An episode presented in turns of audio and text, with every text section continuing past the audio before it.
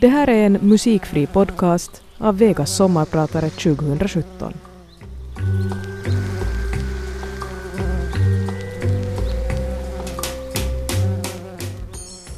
Det är tidigt 50-tal, i Ingotrakten en solig sommardag.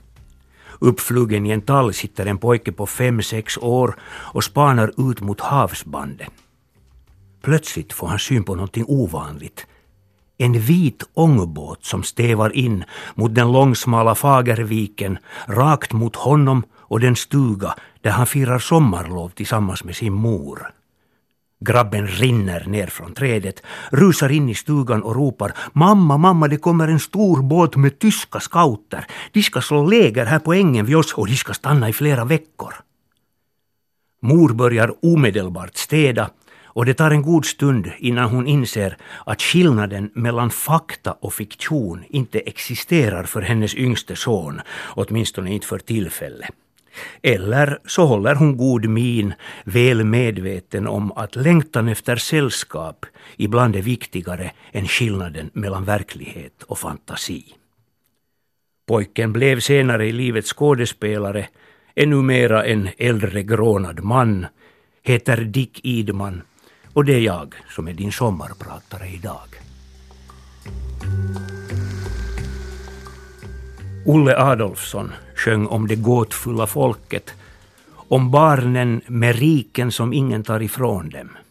Och i mitt sommarprat kommer jag att fokusera på barnet och barnets värld. Hur småfolket upplever tillvaron, världens händelser, stora och små, och hur de tolkar och kommenterar den på sitt sätt. Jag har rotat i minnenas skrymslen för att dela med mig av exempel på hur barn i en viss ålder tolkar tillvaron, allt efter behov, vilja och förmåga. De gör det på ett sätt som inte alltid nödvändigtvis följer de normer och regler som vi vuxna redan för länge sedan har lärt oss att följa till punkt och pricka. Mina exempel är hämtade ur min egen barndom, mina egna barns och andras barndom. Det är ju så att barn inte äger maktmedel som politiskt inflytande, ekonomi, allmän beslutsrätt. Så de får jobba hårt för sina mänskliga rättigheter. ofta gäller det att hämta näring och hjälp i fantasins värld för att kunna formulera sina egna upplevelser och dessutom förstå vuxenvärlden. Det handlar om barn i det skede av livet då de befinner sig i gränslandet mellan saga och verklighet. Musiken jag har valt lever sitt eget liv. Jag har inte valt barnvisor, men jag tror att det ändå är musik vars rytminnehåll och framförande också kan uppskattas av de yngsta. Jag märkte för övrigt att i valet av låtar slank jag lätt in på skånska artister. Det måste ha att göra med att min mor var från Skåne och barnaminnena ofrivilligt kopplar till den svenska dialekt som jag finner som mest hemtrevlig och trygg. Moders målet. Här ett exempel. Filarfolket och hönsafötter, gulerötter. Långa somrar i en stuga utan TV, utan telefon, utan grannar, utan lekkamrater.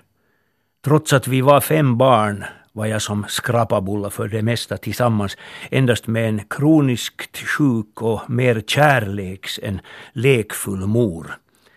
Det ledde till att jag själv tidigt skaffade mig imaginära, inbillade men för mig i högsta grad verkliga kompisar.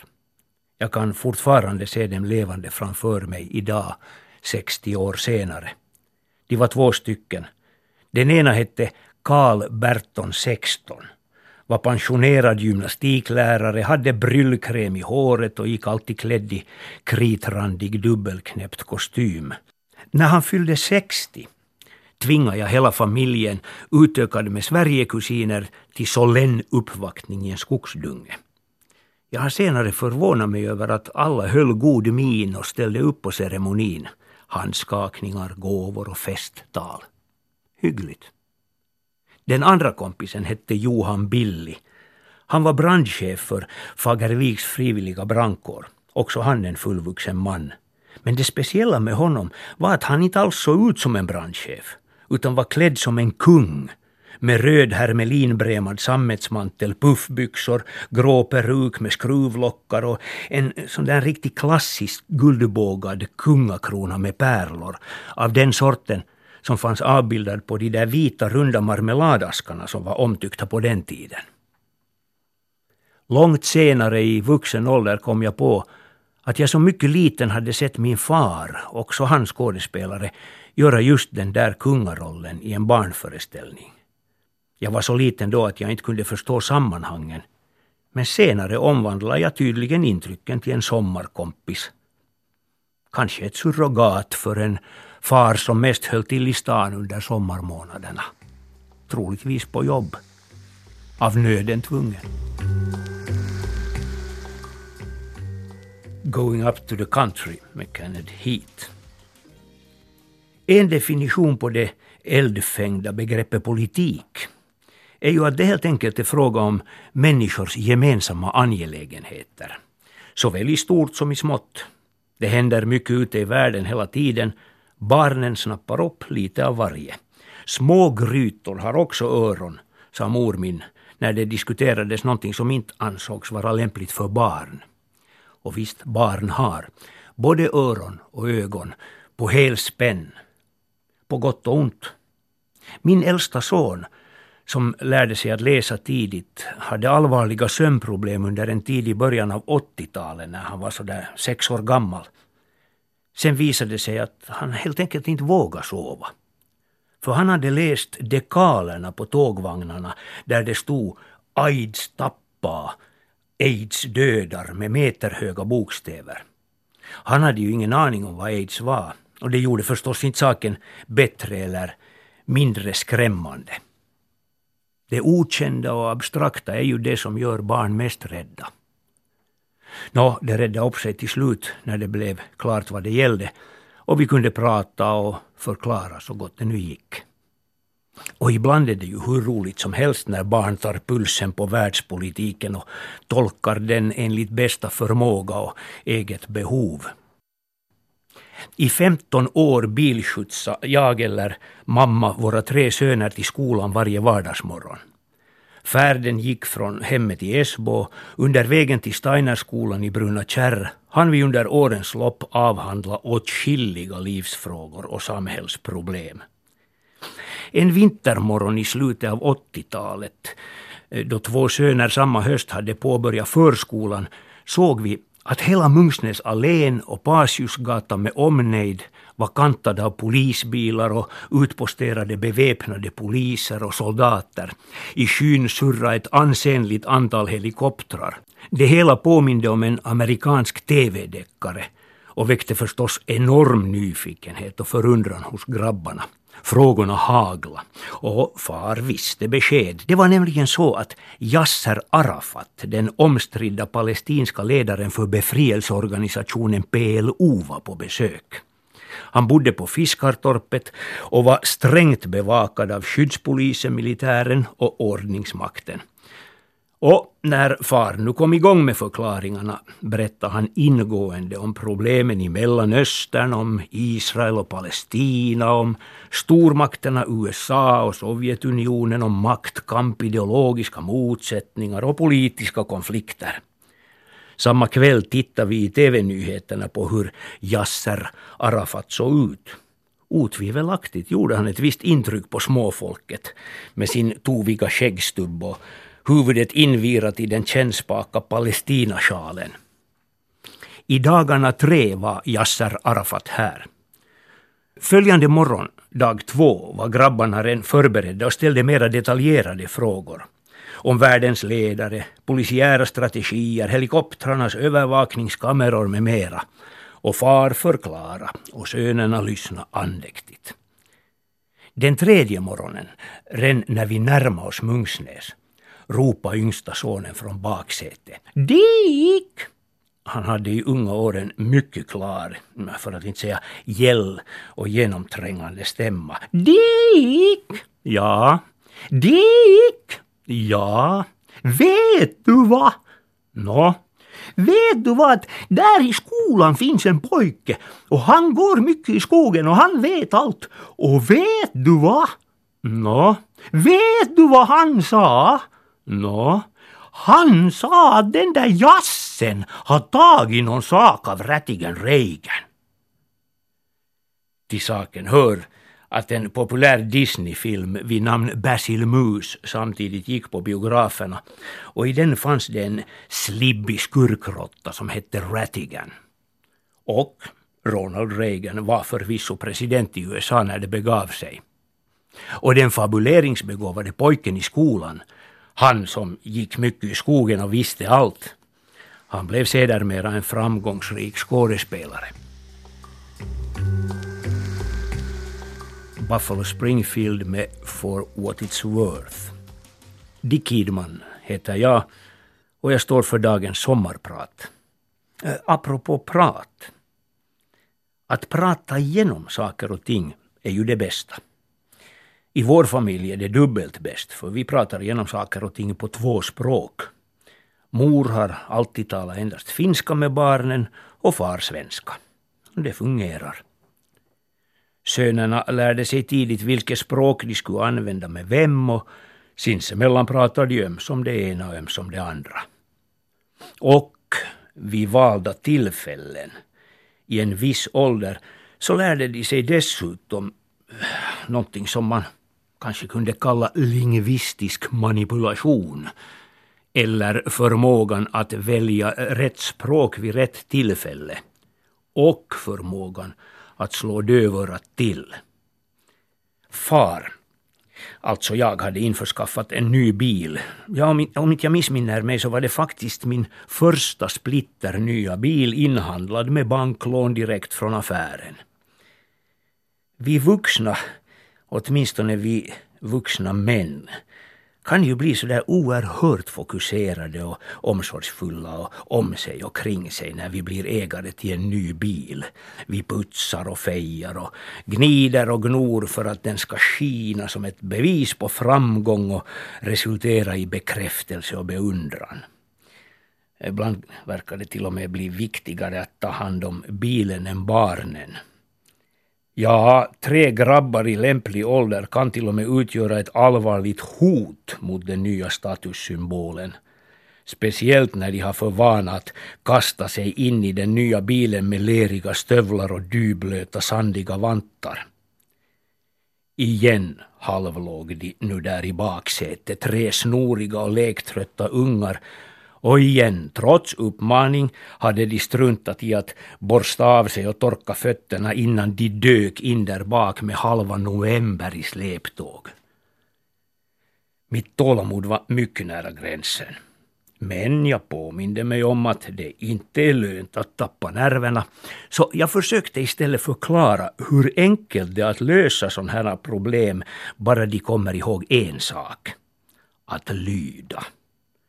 Lyda är nyckelordet. Bara de gör som jag säger så blir det inga problem.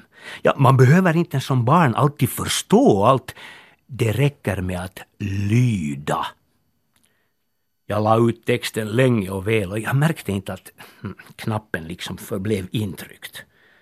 Och hela långa vägen hem så förmanar jag upprepade gånger dessa små avfällningar om hur viktigt det är det där med att lyda.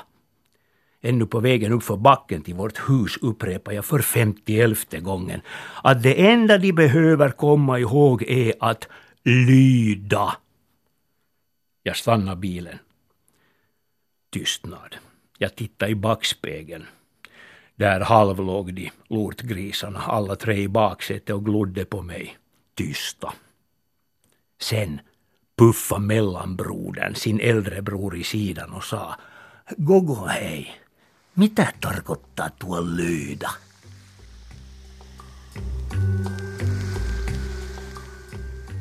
Ung och vacker med Anna Järvinen och i jämlikhetens namn Olavi Uusivirta Jämställdhets och genusfrågor är seriösa teman som ständigt dryftas och debatteras. Väl så.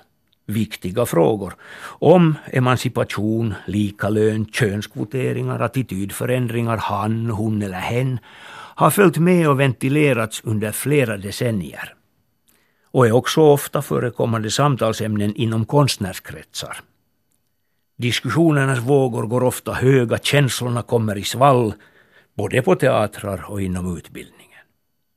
Ja, överallt i samhället förresten. Och i alla generationer. Genusdebatten är inte bara viktig, den är dessutom laddad och explosiv. Man kunde ju tänka sig att barn, åtminstone de yngre, inte skulle vara så engagerade i de här frågorna om pojkars och flickors tillhörighet och kulturella och biologiska likheter och olikheter.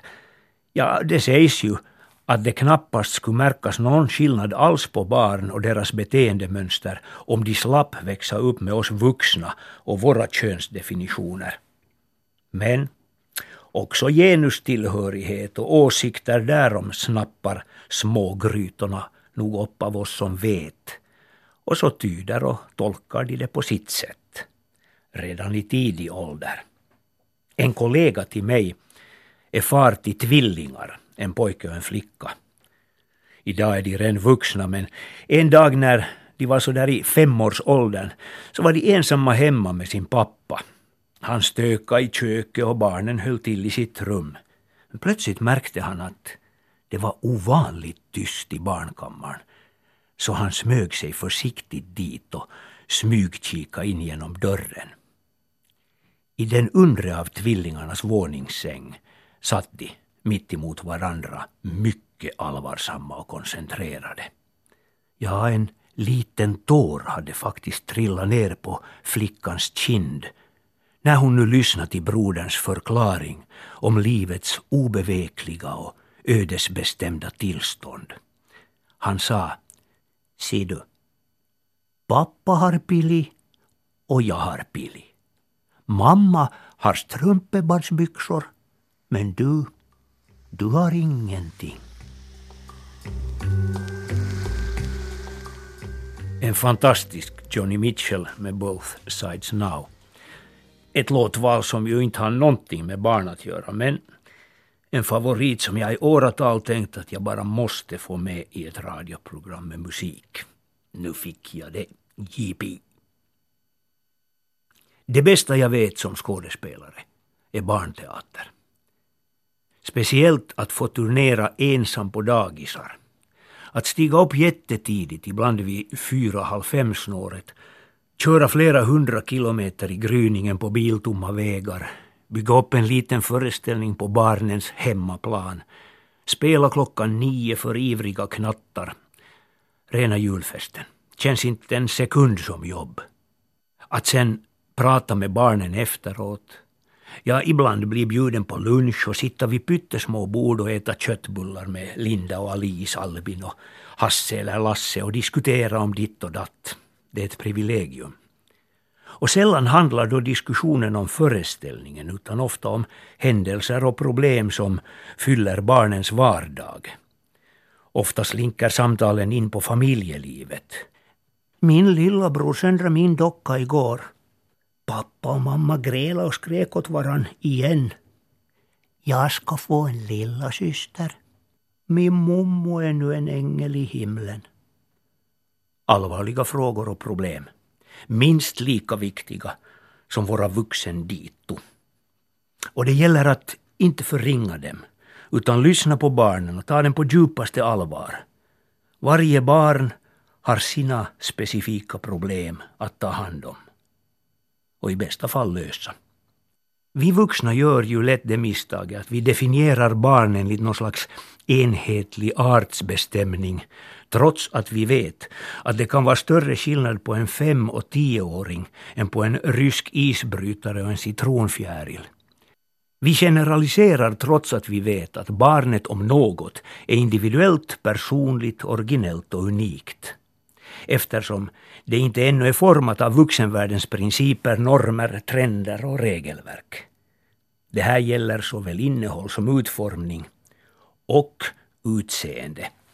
En gång gjorde jag en av mina enmansföreställningar på ett litet dagis någonstans på landsbygden.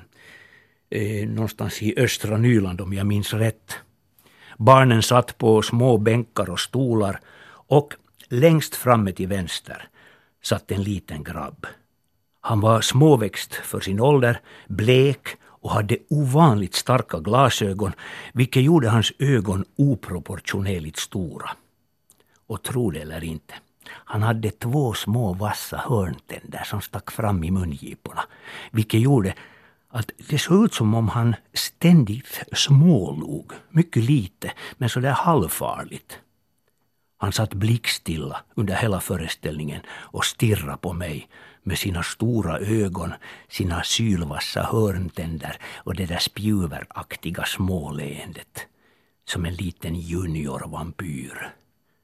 Skådespelare har livlig fantasi och min börjar skena iväg. Varje gång jag tittar på grabben, och det gjorde jag ofta, så tänkte jag att han, när jag minst anar det, blixtsnabbt rusar fram, hugger sina vassa hörntänder i vaden på mig och ändar mitt arma liv. Det blev en jobbig föreställning. Jag måste uppbringa all tänkbar koncentration och fokus på uppgiften. Nå, på något sätt så lyckades jag slutföra den och innerst inne så tror jag väl inte att någon la märke till min paniska rädsla för miniatyrvampyrer. Efter föreställningen kom grabben fram till mig, sträckte fram sin lilla hand och sa Tack för en fin föreställning, den var både rolig och intressant. Och så pratade vi en stund om vad han hade sett och upplevt. En underbar liten parvel med välformulerade åsikter. Jag skämdes lite och blev än en gång påmind om att inte låta skenet bedra och döma hunden efter håren. Speciellt inte när det gäller barn. I samband med en barnföreställning om rädsla, som vi gjorde på Svenska Teatern för ett antal år sedan, diskuterade vi efteråt med barnen. I uppriktig pedagogisk anda så betonar vi skillnaden mellan att vara rädd eller försiktig. Vi konstaterade att det är bara positivt att vara försiktig och så bad vi barnen om förslag på hur och var man kan och bör vara försiktig. Det kom alltid en uppsjö av förslag. Springa försiktigt i trappor, vara försiktiga i trafiken, försiktig med vassa knivar. Någon föreslog till och med att man ska vara försiktiga med varann. Ett populärt och återkommande tema var det där med att undvika svaga isar. Det ledde ofta till långa förklaringar och slutade i rörande överensstämmelse. Man ska vara försiktig när man går på isen. Men en dag när renvåren hade börjat gå mot sommar bestod merparten av publiken av ett dagis från Snappertuna-trakten. Och i sedvanlig ordning diskuterade vi det där med svaga isar. Då var det en linlugg som fnös. Pff. Och till leka med muffa jag igår på isen med snöskoter och det var något problem där. Nå, som skådespelare har jag ingenting emot överdrifter, till och med en liten lögn kan göra historien bättre ibland, men nå måtta fick det väl vara. Vi befann oss i slutet av maj, Isan hade gått för flera månader sedan. Så jag frågade, igår var du faktiskt med morfar ute på isen med snöskoter igår? Det uppstod en lång paus. Till slut konstaterade linluggen. Nå, när jag tänker lite närmare efter på saken, ja, så kanske inte var precis igår. Vid ett motsvarande tillfälle, jag tror att det gällde en föreställning av Barbro Lindgrens Sagan om den lilla farbrorn, pratade vi efteråt om ålder och ensamhet. Om hur viktigt och uppskattat det kan vara att hälsa på en åldring. Jag frågar barnen om de känner någon som är riktigt, riktigt gammal. Då sträckte en liten flicka upp handen och meddelade ängsligt. Min faffa är så gammal han så skinnet lossar på han. Hugg Rogefeldt med sina små lätta mål. Barnaminnen, de där som man kommer ihåg och gärna återberättar livet ut, de är ju ofta roliga och positiva. Vi minns ju det roliga. Ja, om vi fått växa upp med kärlek och trygghet. Men tyvärr är det ju inte alla förunnat.